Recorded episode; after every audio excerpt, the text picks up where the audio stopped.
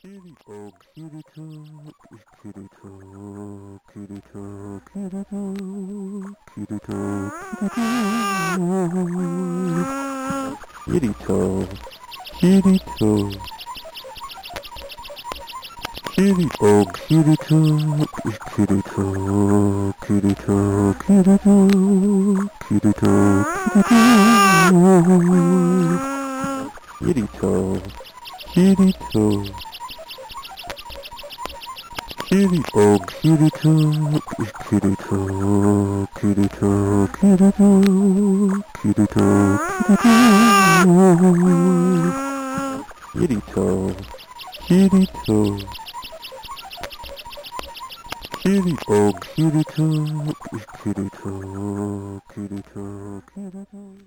solar sounder is something that I make, and I actually don't sell them, and they're just for like experiencing in nature. And so I have about four designs for solar sounders, and they're um, they're just analog synthesizers with a solar panel and a speaker, and they're made they're not made for like universal use, and they don't have knobs. I didn't want to put knobs on them because the intention is to make an interaction with the environment and also think about the alternative energy of the using solar power. And also using the alternative of playing electronic music in the day i think is really important because there's this psychic thing about electronic music at night that most people think of electronic music as a night thing.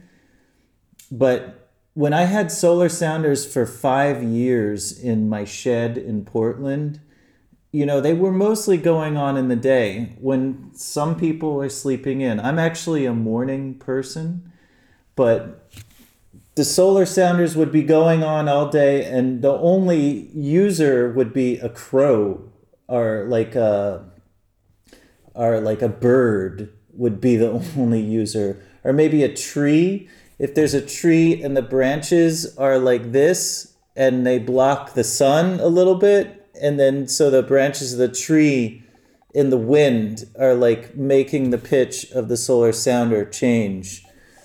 And so it's like a really poetic instrument. And that's absolutely what I'm interested about in analog synthesizers is like the poetry of a simple or a dumb like uh, imitation of nature and so I tried to imitate nature in the solar sounders, and I so I imitated a bird, like the mourning dove is like boo boo boo.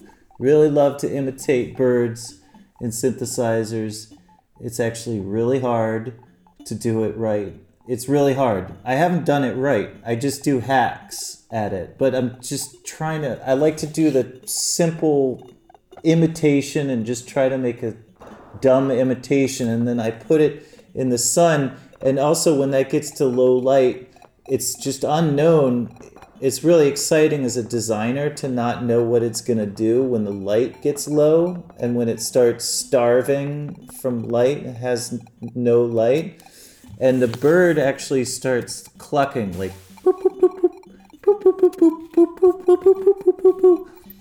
and I I get a lot of these solar sounders as like a group of birds. And then I also have a monk. And so it's like the Tibetan monk that goes like, uh, the throat singing monk. The, uh. And so I have a bunch of those monks, and those are great for a solar sounder because they have like a bass, kind of like a grounding sound but they have they do move. They're not a drone, so they go like uh really slowly down and then jump back up. Uh, and again, you get those in a group, so it's like an ensemble of monks.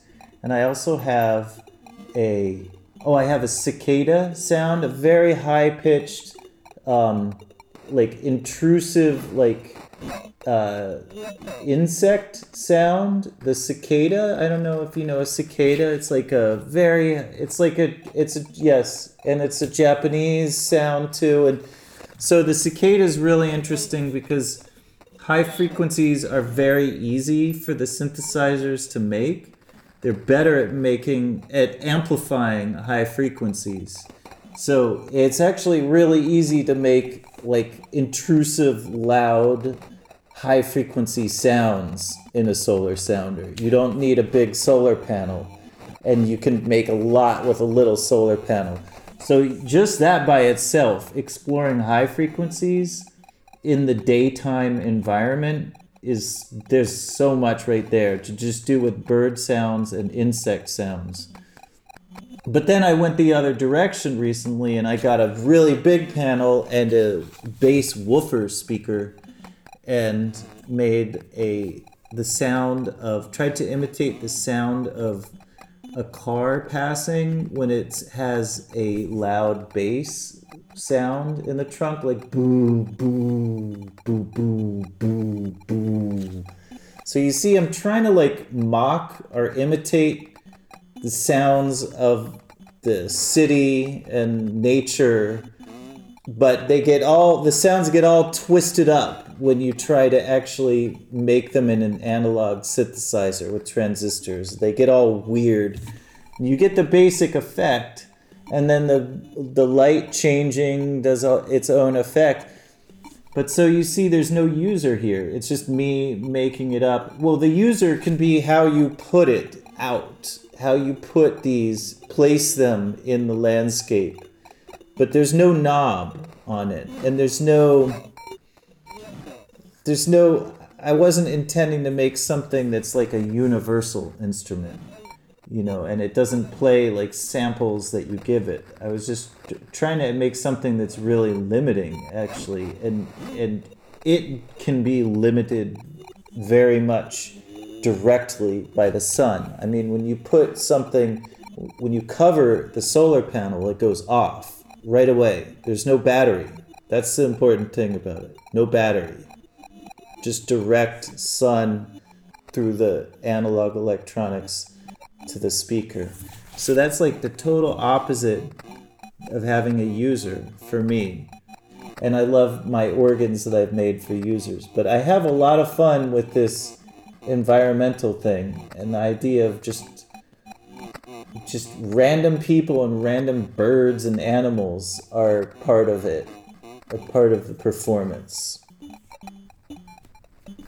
it's like an intrusion. Like um, one of the sounds I considered making was, uh, well, there's a few sounds. First, I was considering making a solar sounder that's like the beep of unlocking a car door, like beep beep beep. But then, of course, when the sun changes and everything, it like melts and like mutates and stuff.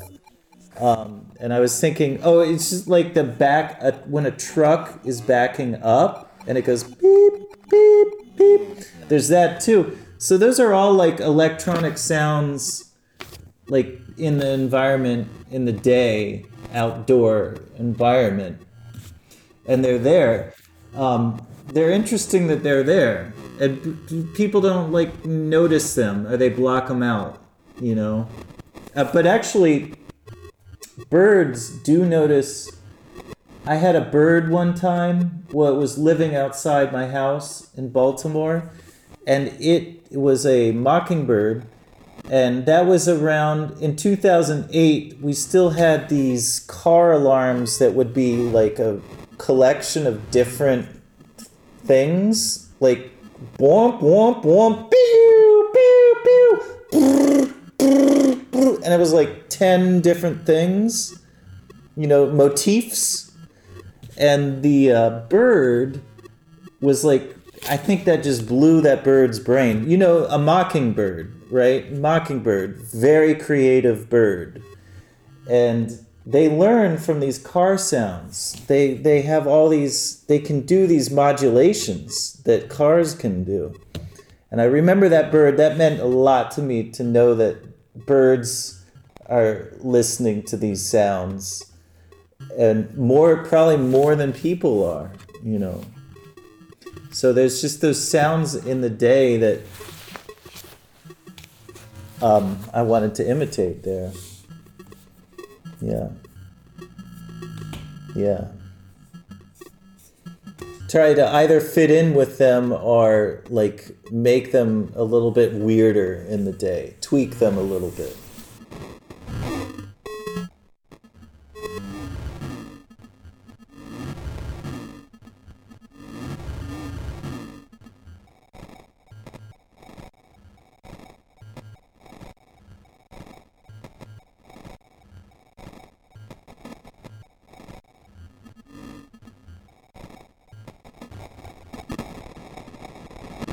Peter Blasser is a designer of electronic instruments and a one of a kind synthesizer builder.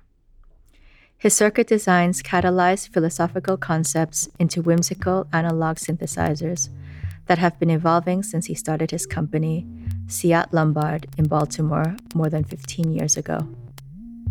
Constantly rehashing his old designs, the instruments one can find in his store trace back to several others he has made in the past which are often idiosyncratically documented and generously shared in the form of downloadable paper circuits. Signature unmarked wooden instruments that go along Peter's outlook on life, inviting users to an intuitive and playful approach. More akin to craft than industry, Blasser has used materials such as wood, paper, or fabric as a substrate for circuits exploring possibilities for more sustainable electronics and reimagining its role in a distant future. In this podcast, Peter Blasser introduces us to his environmental instruments and meditates on his view on electronics and synthesizers as a form of creativity. Wood, sunlight, wind, touch, and craft are invoked in the process.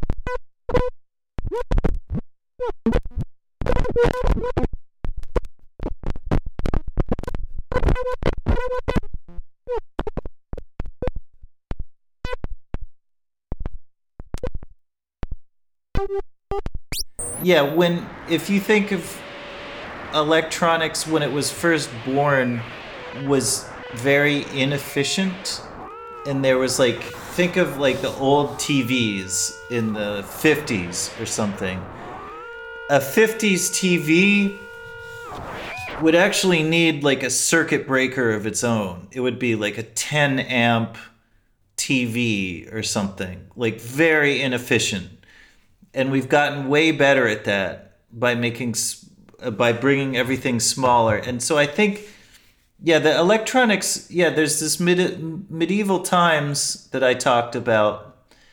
Um, it's called the post-electronic thousand years medieval times, and yeah, so I'm, I, it's from an analysis of Moore's law, the idea that technology is going up exponentially, and that's um, sounds like a bubble to me.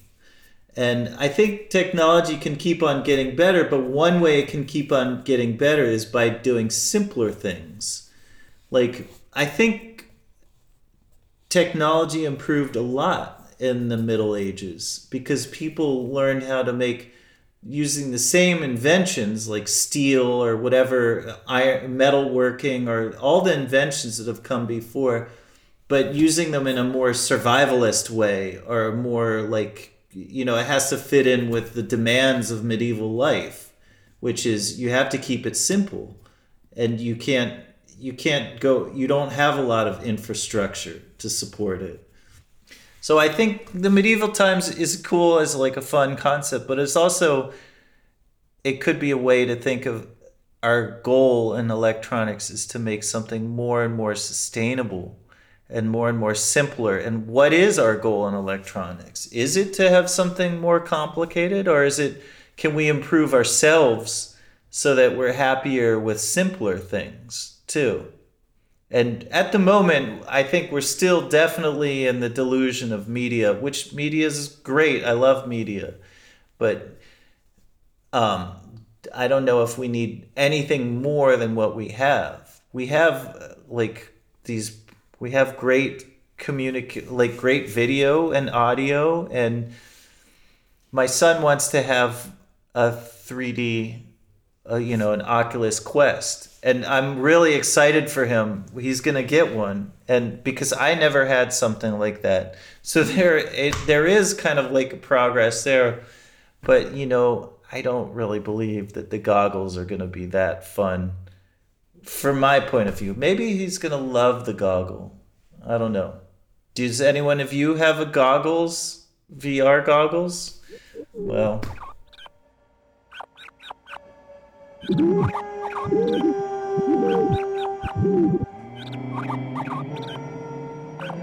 Electronics, you know, remember like I'd maybe in the 90s when I was younger and thinking about getting into electronics, it wasn't really accessible. You didn't even have a soldering iron or, you know, you couldn't just get a circuit board that easily even you could find it inside an old tv or something but it wasn't really at hand the materials for electronics.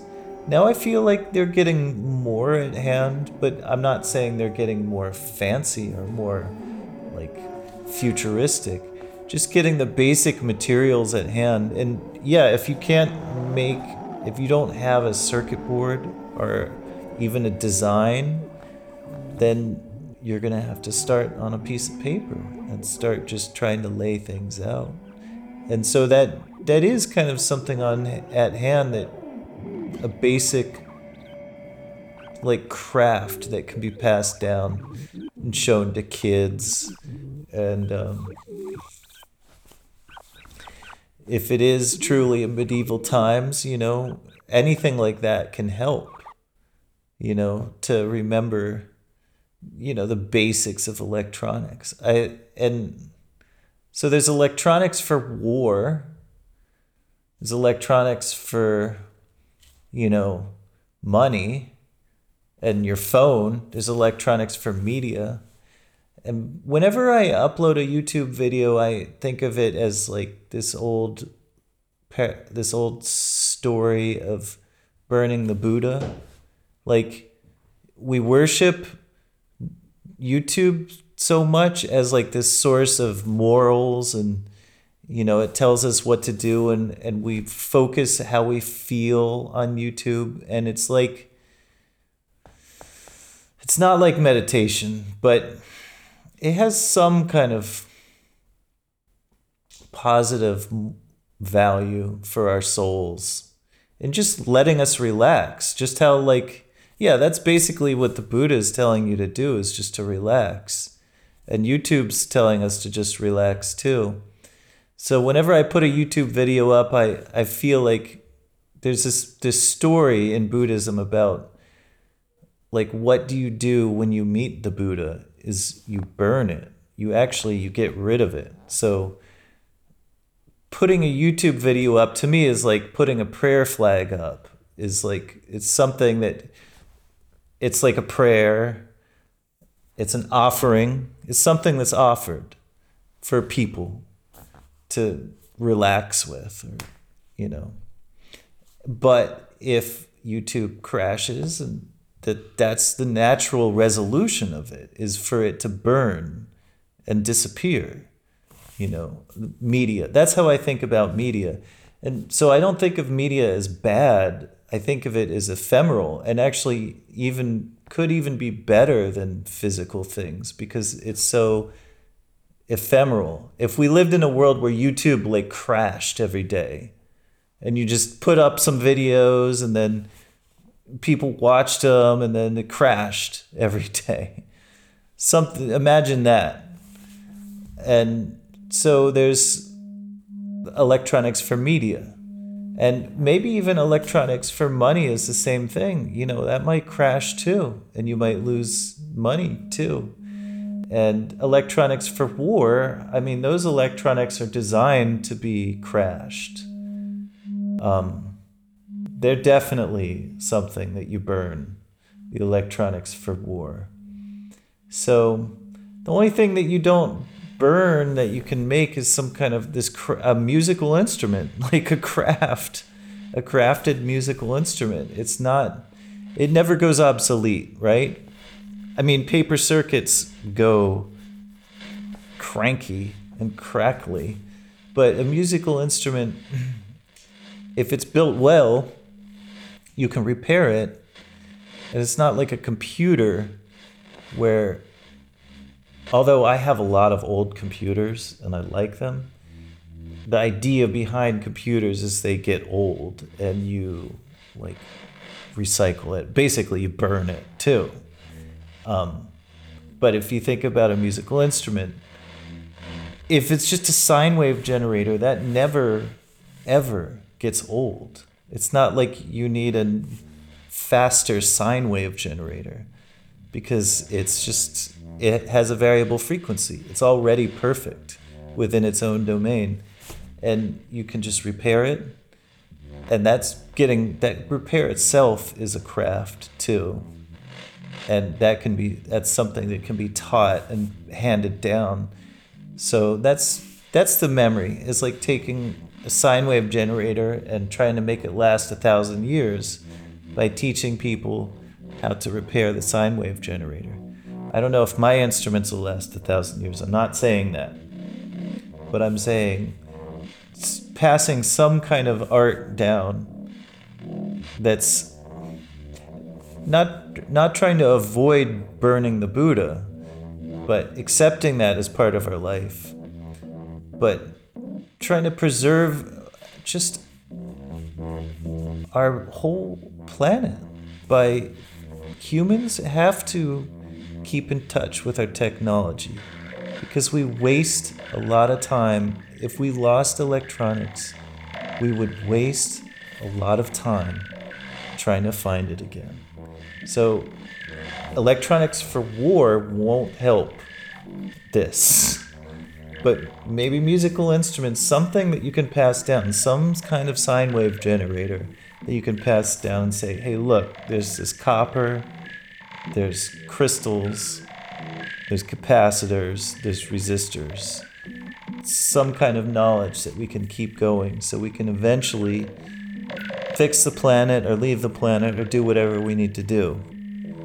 But I don't see uh, electronics as like this utopian thing. I just see it as one of the skills that we've learned as humans that we're going to use to uplift the whole planet and all the rest of humans. And all the other forms right now, all the computers and media are just, you know, like the great the Precambrian explosion, you know, when uh, there were many different kinds of crabs and trilobites and little weird crabs, you know, there's can be easily an explosion of electronics. But whatever you evolve that's left that has that's the thing that we hand that we offer to the future. The the evolved simple things that we can make with electronics. And i think synthesizers are one of the most evolved things because they deal with our most sub one of our most sublime and not guttural senses you know dealing with sound as a sense is the most sublime thing and you can you can have a sine wave in sound. You can't have a sine wave in video. Well you could you could say that but i'm you can't have a sine wave in video or in smell or something. Only in sound can you have something so pure as a sine wave. I quote that because there's the instrument itself adds all kinds of interesting impurities but the sine wave itself is just this really distilled thing.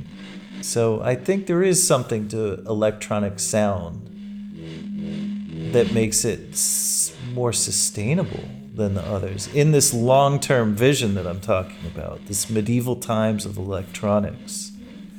You know, to have you can only have a distilled thing, a meaningful distilled thing that you can pass down in that. Something that doesn't go obsolete.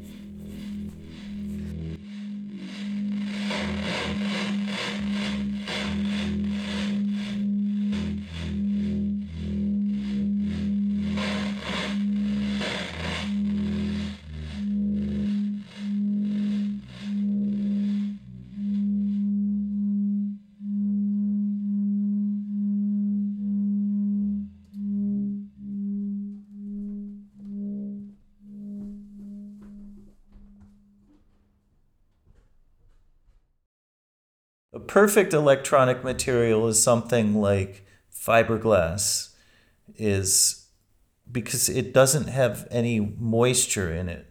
There's no water in it. It's, it keeps water out.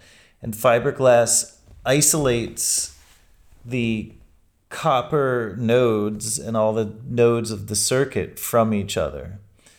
Um, whereas if you make a circuit in wood, which I wish I had more time, but I would, I, I've made circuits in wood, but mainly in paper.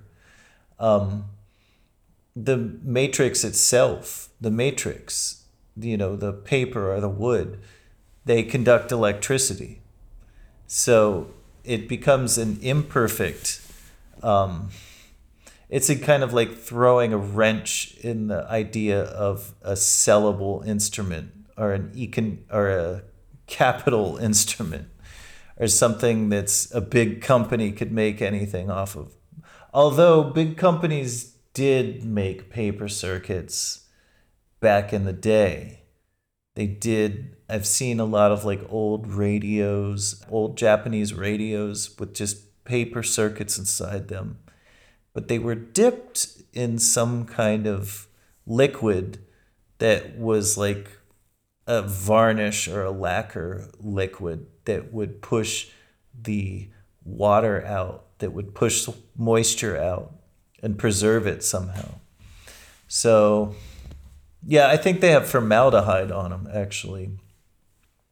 So, no one actually, it was something maybe back in the very beginning of electricity, people used paper to. Oh, there's paper capacitors too. But even those are paper with beeswax on them. So, paper and beeswax, that keeps the moisture out too. Especially in a capacitor. If you want to make a big capacitor, you have to keep the moisture out. So, paper and circuits have a like antagonistic or a they have a discursive relationship right? They they interact with each other. And that um so that locks out any kind of electronic design in the narrative sense that like you're designing you can write down a design for it and it has these simple elements that have lines between them black and white lines com- like saying this is the output and this is the input. Um, because when the paper is just natural like that your design that you would draw out would be more like in charcoal and it would be you would like rub it a little bit so that the lines would kind of blend into each other because this the paper's blending the electronics too. So it's uh, it's a good way to prototype, um, but I wouldn't recommend it for like a serious design because you'll have to fix something eventually. But that's the cool thing about it. It's just this craft it's a way of teaching. It's definitely you could have a medieval paper circuit workshop if that's your only materials is some circuit some resistors you found and transistors I don't know. In medieval times, we're going to have to still make transistors. So we'll have to figure that out. You could probably make transistors with a good solar powered structure. You could probably make some transistors. You know, it would be a real art if there was no other infrastructure. I just I try to imagine the world being run just on solar panels. It's pretty hard. It's pretty hard to imagine. But it's a challenge to try to imagine it in my mind. I mean, why not? Why I I'd like to imagine that.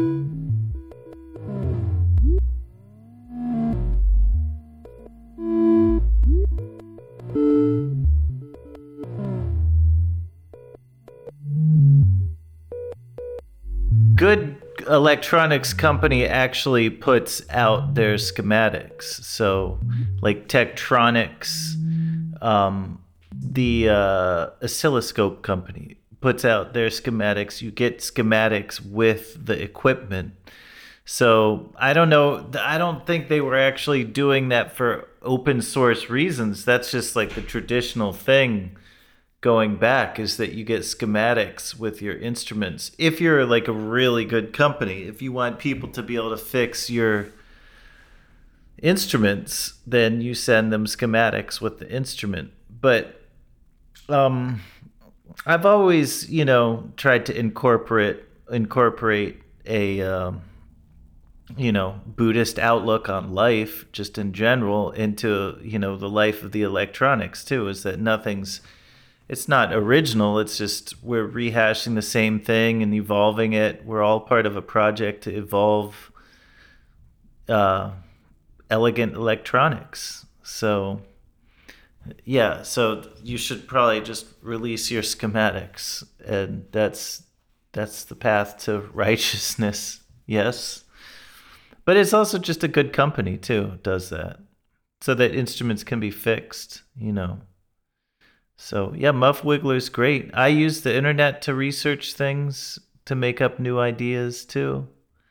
So, um, so yeah, I mean it, it's you combine that with um, keep on looking on the internet for um, ideas for schematics and for like uh, nice efficient ways to patch chips together but also keep an eye on the internet for like new parts that are being made. So it's the combination of new materials coming out with old information being rehashed together and reapplied to new materials. So i think that's kind of what i did is well i didn't even necessarily use new materials. I just used like mouser's kind of uh, parametric search function to find the materials that the market's currently offering and then just combine that with as i said old old schematics. Just keep on bringing them back. You know even just like speaking of good companies like good chip companies release a whole data sheet of schematics of typical applications for the silicon so like an LM324, like a quad op amp chip is going to have like several oscillators already listed in that data sheet for it too. So yeah, that's just kind of should be standard practice is sharing sharing schematics. I guess the only time it wasn't standard practice is like in war or like spy technology. You know, war and governments don't like to share schematics, but everyone else does, you know, because it just helps each other.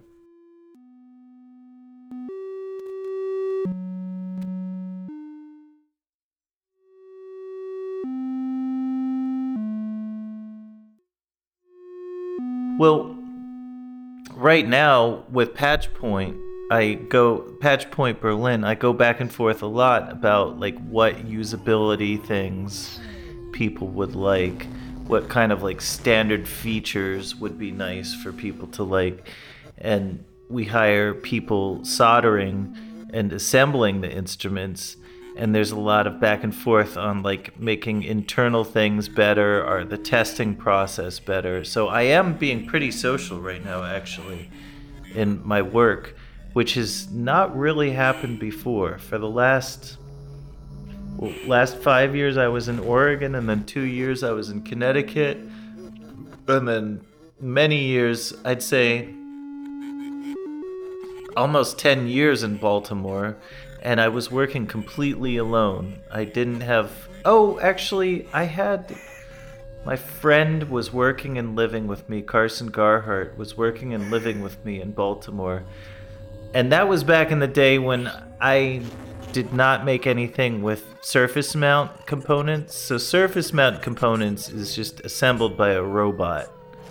You know, all the components. It's still analog, but it's just really efficient placing of components and they're just mounted on the circuit board.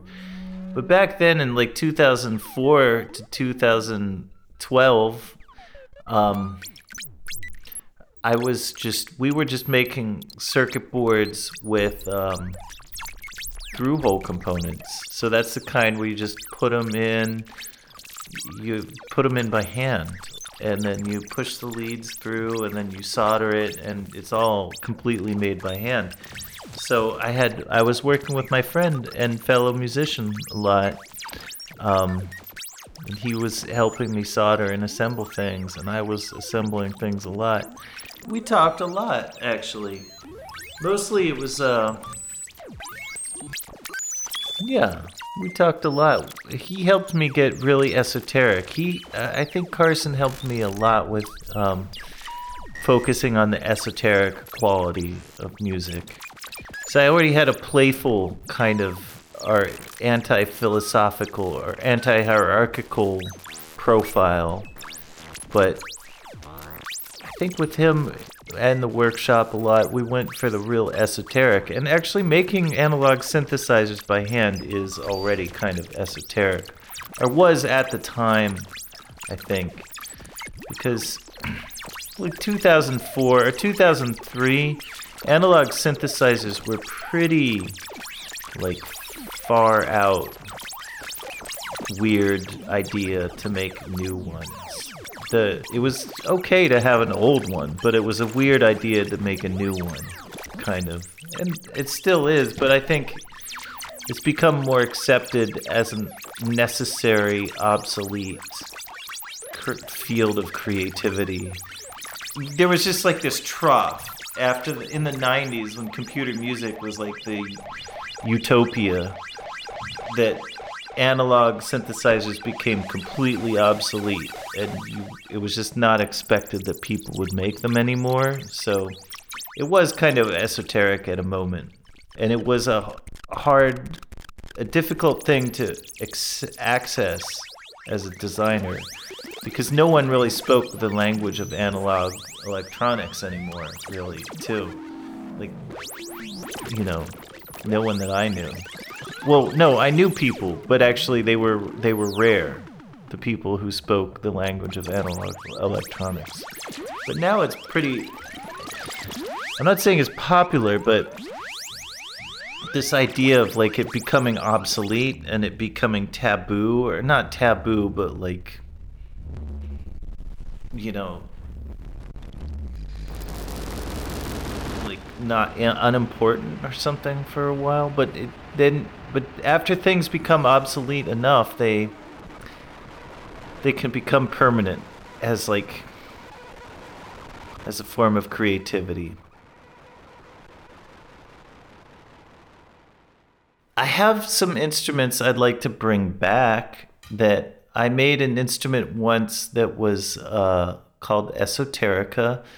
And people have copied the schematics for it and tried to make it, and they haven't been able to make it but it was uh, it was like a wind controller. I made a wooden trumpet to go with it. And it went into some circuits that were for analyzing the wind control. It's basically a wind controller, but a very weird wind controller.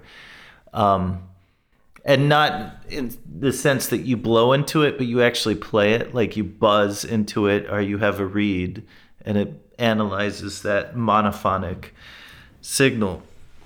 So that's like my typical process now is to get something from the past and try to bring it back and just try to rehash kind of I have a few things that I've already made before and I've been trying to give them bring them back. Like the most recent thing I brought back is called the Stuber and is based on some filter work that I did a long time ago with combining a filter with different, you know, digital registers um, and having them feed into each other. So, and I just brought that basic thing back and just researched what I had already done and tried to bring it back. A lot of the stuff is, well, it's not all lost, but a lot of the original instruments and prototypes are lost by the time I get back to them. But um, as far as creating like really totally new things, I'm not well. I I'm more interested in creating things that are like kind of bad or as I was saying embarrassing. If it's going to be new, I'd like to create something that's kind of funny or whimsical at least because um, I enjoy servicing the instruments that we do sell. And I I'm not certain about the notion of continual production of new commercial instruments, like continual designing new commercial instruments. So um, I don't I don't think that makes them any more valuable or anything to keep on adding new instruments. Um, if they've already gotten the point across that you've got that I, I was trying to get across from those original things. So I'd be more interested in not making commercial instruments, but making whimsical or just funny or interesting instruments in the future. Definitely.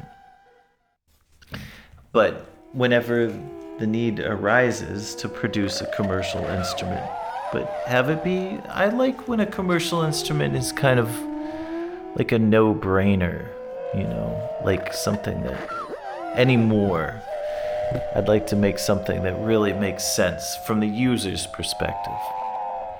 But from my perspective, I'd like to make just something that I don't have any like guilt about giving away or just putting out into the world because it's just fun trying to make something that's fun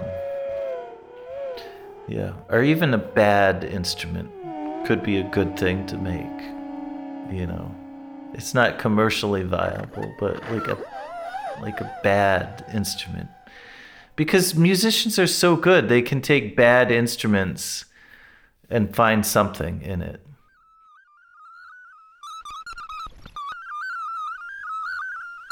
People who purchased my instruments were purchasing it because kind of it was a bad yeah. So what does that mean is that it um it has such a wide it's called hyper chaos i think. By quentin Meillassoux um and that's when you have like either just you could have like a lot of silence or just a lot of like sharp clicks and cuts like pulses that don't really make any musical sense. Or maybe sometimes it has it makes music.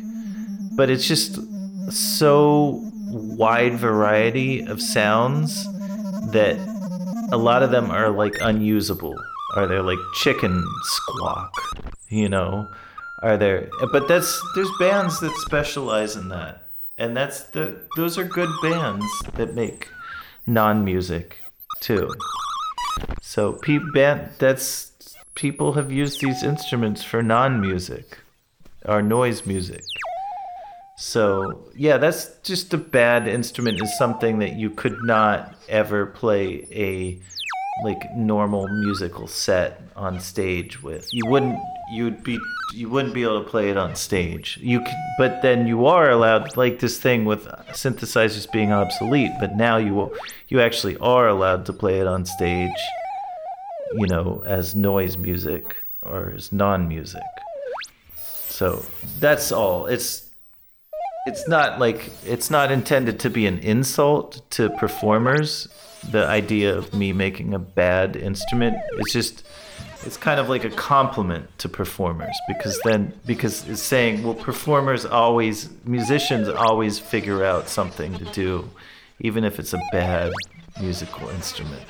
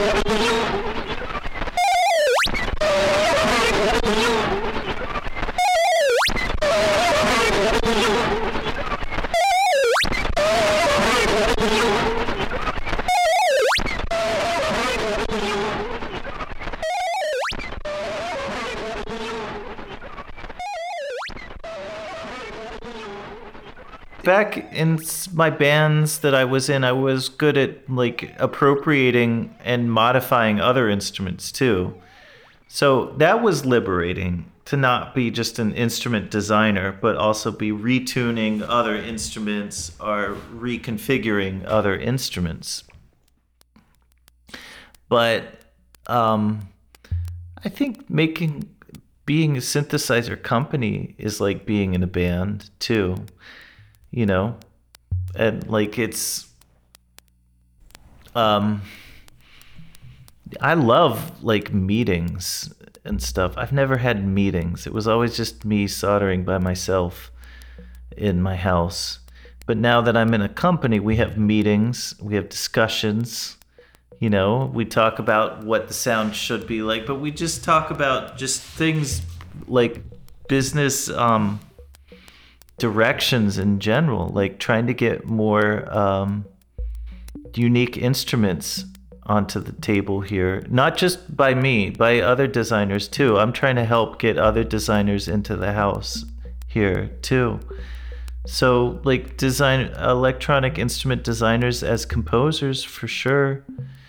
And so I like to be part of a house of composers and we just are composing in circuits. So that's my best version of a band because then I'm I'm still doing what I'm good at, which is making instruments. But I'm not I'm not um try I'm not trying to take two hat I'm not trying to wear two hats because if I am the instrument maker and the performer, that's how I would have to be in a band. I'd have to be the performer too. So I'm just trying to think of bands where maybe there aren't performers. It's more like an episode of The Office, you know? it's like meetings about synthesizers. Or um, also, I've had a band with Daniel Fishkin, who's um, we have a soldering band. So, like, whatever that means, we're soldering, you know, and that is part of the performance. We're making instruments and the ones that I make with Daniel are not for sale. They're like community installations. So um, we've done. It actually incorporated a lot of rolls, rollsers, and rolls, um, a kind of esoteric like drum machines for sure, Uh, we did a installation on deer ticks in Connecticut, and we've worked always on solar sounders together. So we we've done solar soldering, and um, so that I think of that as a band too, like a soldering band. I like that idea, the soldering band. So I would love to be back together with my old bands. I'd love to. That would be great. But I mean, it's just what I've had to adapt to is just had to keep. Uh, think of the business as the kind of as a form of creativity and just running with that. The uh, synthesizer is the composition itself.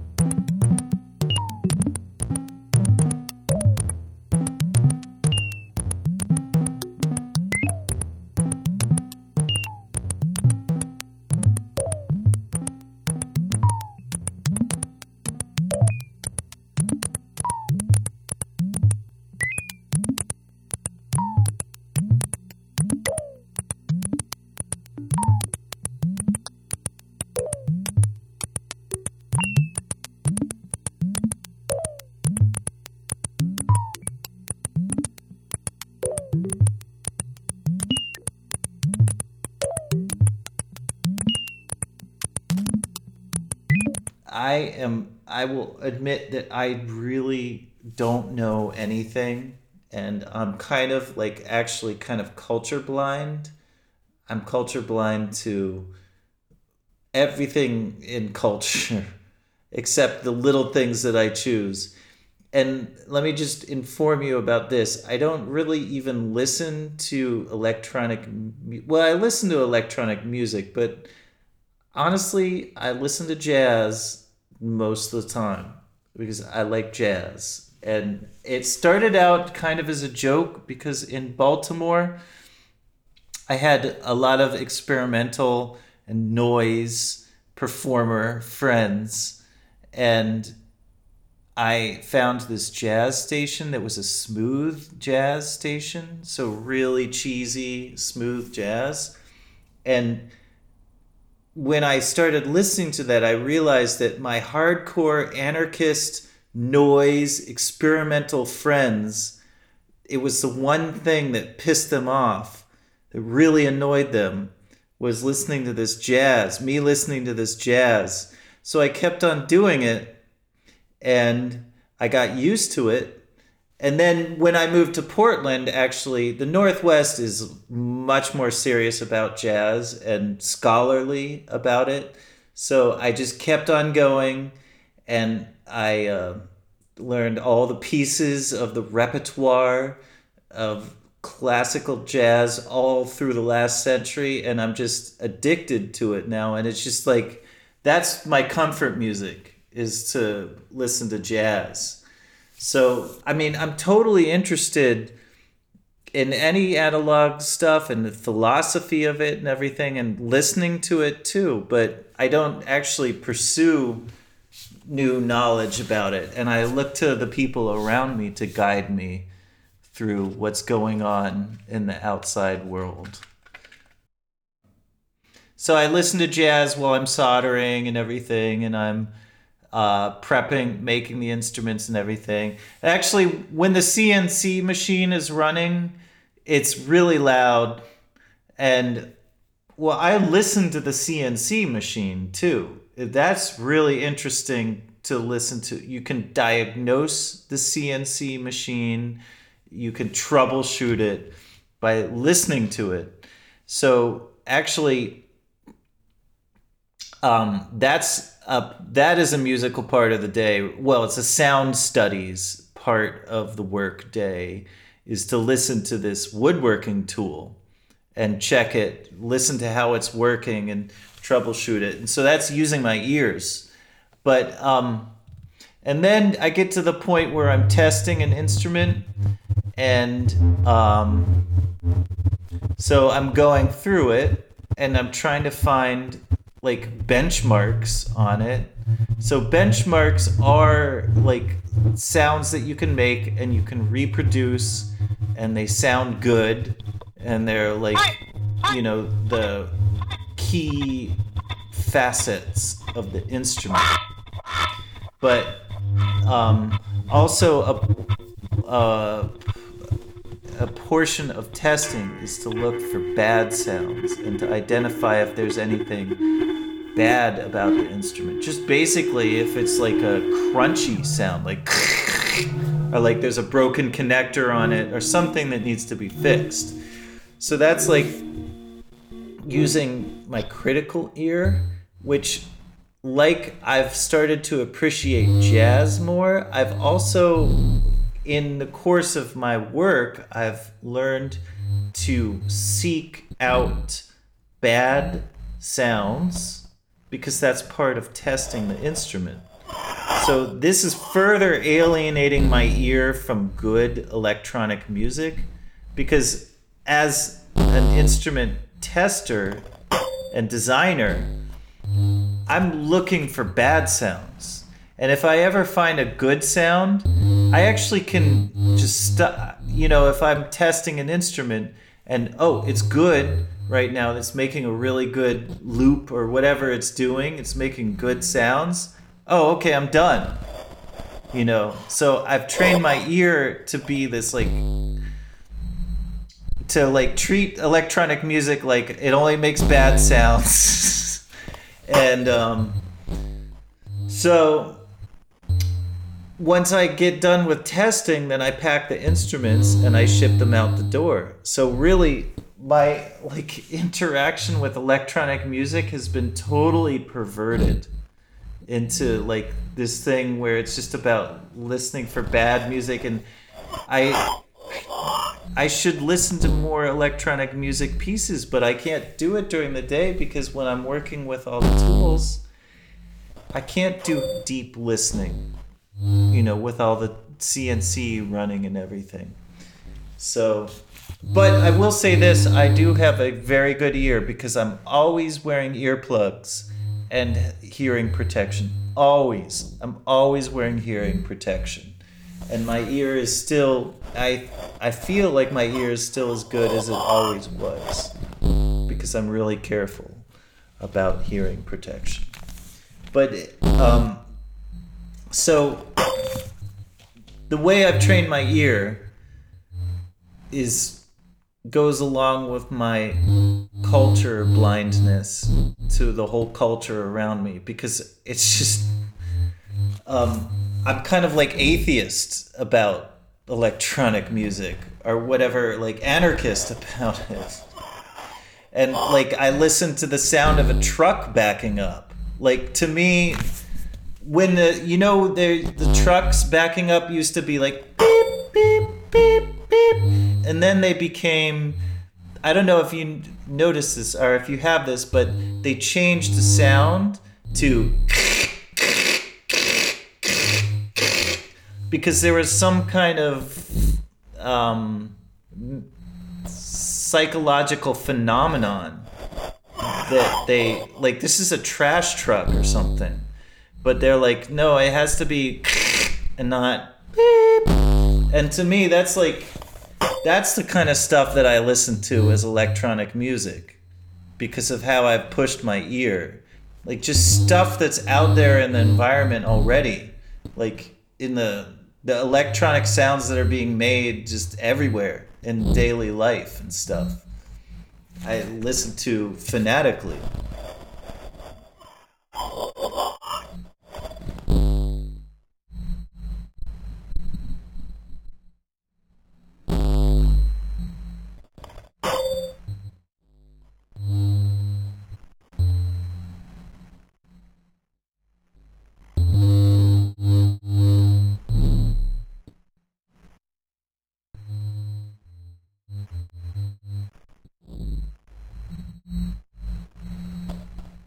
The bending wood experiment has to do directly with um, the organs I make because they have wooden bars. And you bend the wooden bars, and there's just a piezo sensor inside the bar, just simply detecting the flex of the bar. So it's kind of like um, it's kind of like a science project, but the analysis is with sound, you know, or like analog electronic sound. So I I like thinking of an instrument as a musical instrument, but also you can think of an instrument as also a scientific instrument too. So um, you know, it's like a subjective analysis of the material when you play it, when you press it. And that's what testing the instrument is too, like a subjective analysis. Like I don't analyze instruments objectively or with measurement. I don't do measurement on instruments. I just touch them to see if they play. So I've always had this trend, like this anti measurement trend. Um, and using wood bars is like kind of, it's always unknown what, how responsive the bar will be. Different woods make it different responses. I mean, you know, it's actually the lighter woods have a better response because they flex more.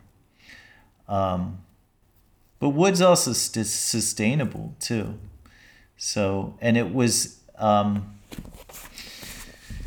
kind of the only way I could get started making cases. Like, I wasn't going to go contact a plastics designer or manufacturer. I mean, it was 2003 when I made my first cases for sale for like as a synthesizers.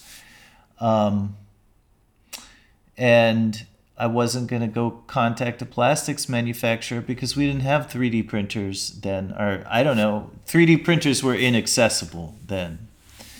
And, uh, I actually messed around with a 3D printer in 2010, and my son has a 3D printer too.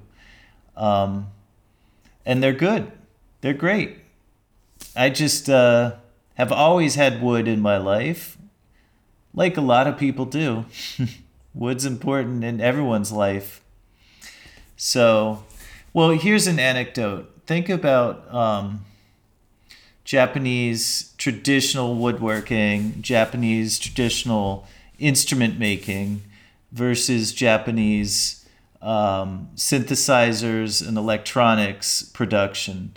There's actually no wood in the modern Japanese, uh, uh, you know, in these the new in- instruments, computers and stuff. There's no wood, and I asked a musician once and an instrument maker, uh, Tomomi Adachi, um, what what what does he think about the fact that w- my instruments are made in wood? What what does he think the Japanese person would think about these?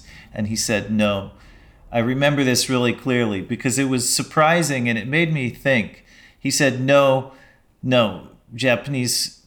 He said he generalized Japanese people and said they would want to have their traditional woodworking separate from their you know modern computers and devices and stuff. And that's that just made me think a lot. That was really interesting. And it made me want to do what i do even more you know to like uh, put make stuff out of wood because it was taboo for some reason in some culture to mix them together. But also, like, I'm kind of a. In, here in Berlin, this is like a city here. Um, lots of dog poop on the ground. And um, I like the country.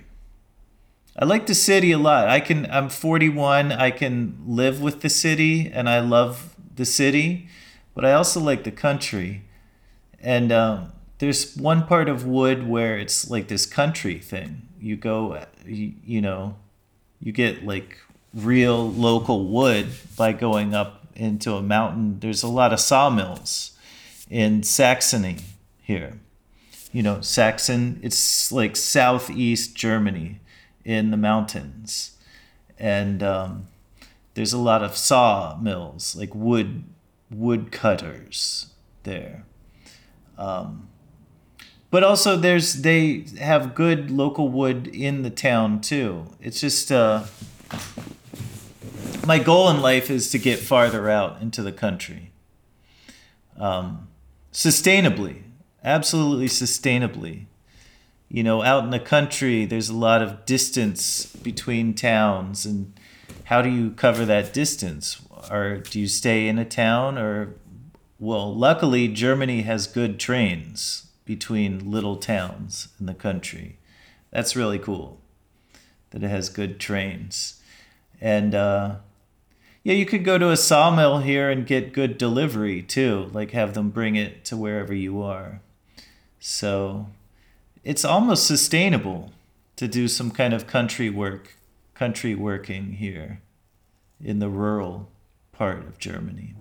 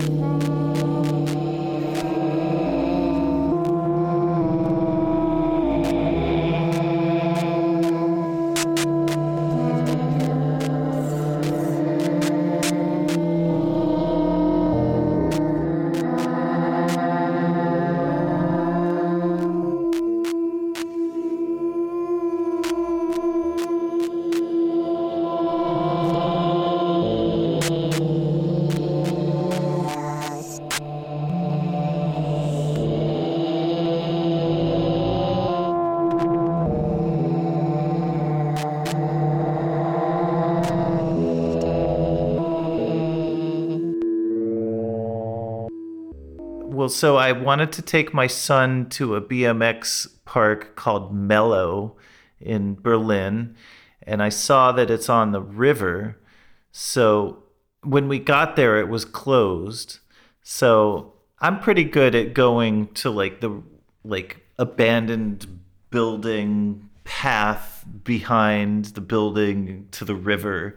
So I took my son there, and he's pretty good at that too and he actually found a nice little uh like kids BMX jumping zone and um I cast a line out into the river. Now the river just it's really cold still right now. It was a beautiful day, but the water takes a long time to warm up. But I cast out, well, I used some like corn. That's our American style for um um, for freed fish, which means like fish that eat corn, like carp. So I cast out some corn, maize, um, on the ground rig, and I did not have a bite all day. No bite, nothing all day. But it was a beautiful day. One thing about the river, sitting at the water, when there's, if you get there when the sun is shining and it shines on your face and the waves like are jiggling, you're just constantly getting this awesome vibration from the sun reflecting off the waves. And I love that about fishing because there's it's hard to find an excuse to sit there staring at the water but you have to when you're fishing. You have to stare at either your rod or your bobber. And these waves are doing this thing with the light that's amazing. That's just flashing the sunlight like trance like into my eyes. And that's just beautiful. And then a man came and um, we had a great long conversation where he was practicing his practicing his English and I was practicing my German. And um, yeah, we talked about everything. We talked about you know America. We talked about uh, Germany. Um, he gave me some tips on where to go fishing next, and you know that's that's the best kind of thing right there. A conversation where you get like some, you know, some secret tips, and um, you get all that from just walking behind the abandoned warehouse down to the river, and so that that keeps me. That was to me that was a really interesting day. I'm not saying that I'm not interested in synthesizers. I'm totally interested in being in the synthesizer business. But yeah, this is that was like thanks for the question. I got to tell you about my day.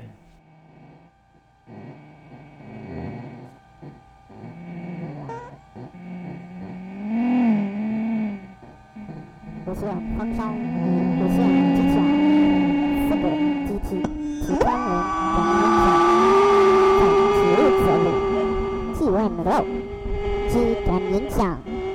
比方我的手，那么风声机器点互相影响了。你看结交机器，莫读人生。What is population? You can befriend appliances.